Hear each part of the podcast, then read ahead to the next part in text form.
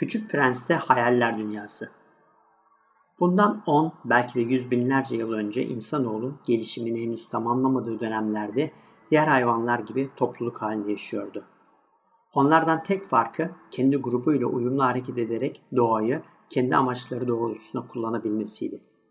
Zekası ve hayal gücü sayesinde uğraştı, didindi ve diğer canlıların düşünemeyeceği buluşlarla yeni durumlara adapte olarak kendini devamlı geliştirdi.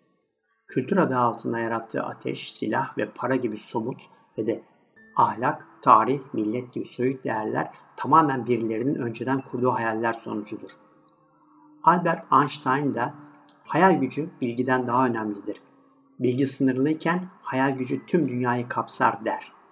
İnsanı diğer canlılardan ayıran bir özellik olan hayal gücü insanlığın bugünkü bilgi birikiminin en temel sebebidir. Ama uygulamaya konmayan bir hayal hiçbir işe yaramaz. Hayal gücüyle direkt olarak ilgili olan dehanın %1'inin yetenek, %99'unun ise çok çalışma olduğunu da söyleyen de Einstein'dır. Jared Diamond'un Pulitzer ödüllü ünlü kitabı Tüfek, Mikrop ve Çelik'te yazdığı gibi bundan 13 bin yıl önce şu anda yaşadığımız Anadolu Yarımadası'nın bir yerinde bir insanın bir buğday tanesini toprağa ekmeyi düşünmesiyle başlayan insanın modernleşme hikayesinde de her şey hayal kurmayla başlar. Dünyayı ilk algılamaya başladığımız çocukluk dönemlerimizde üst seviyelerde olan hayal etme yetimiz büyüdükçe yok olur sanki. Yaratıcılık için çocuklukta zirve yapan bu hayal gücünün nasıl devam ettirileceğidir önemli olan.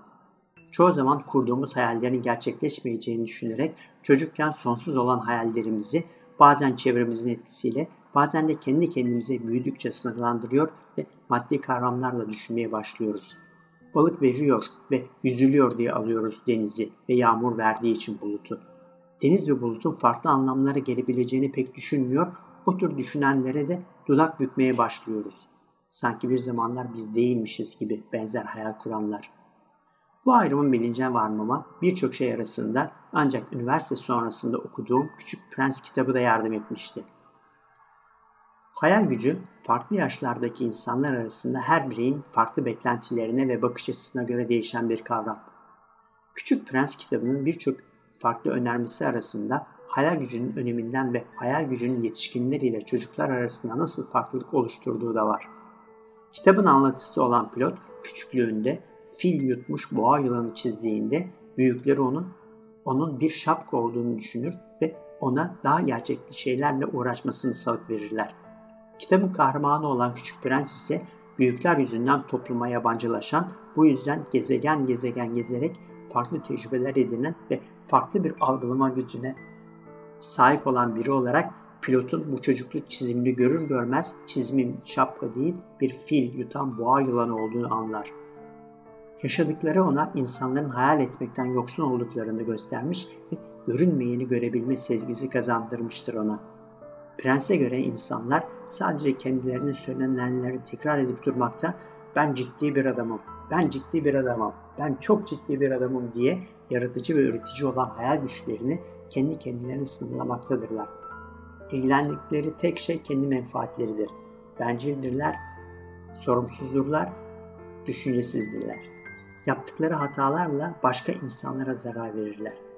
Ama küçük prens büyükler gibi düşünmemektedir.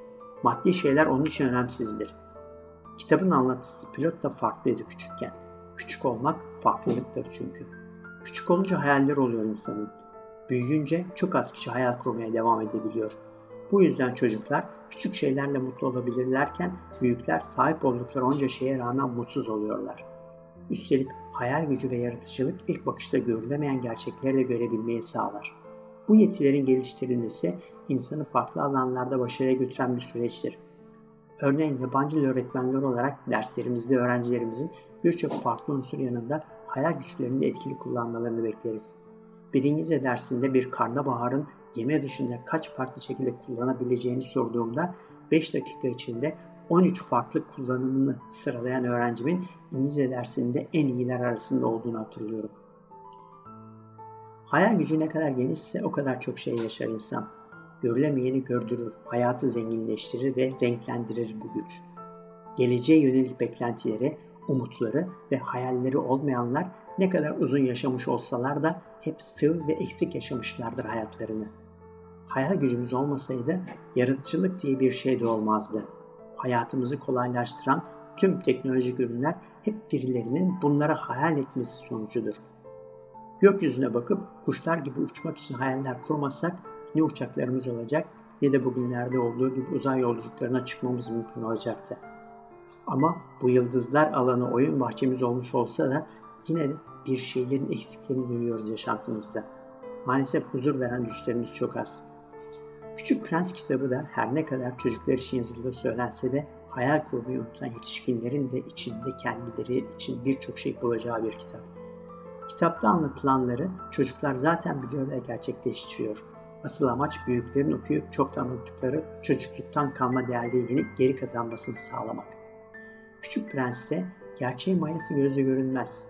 İnsan ancak yüreğiyle baktığında doğruyu görebilir denilerek bir yaşam dersi verilmektedir.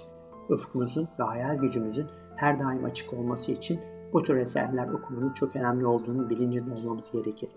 Bunun bir yolunda Küçük Prens bize öğretmektedir.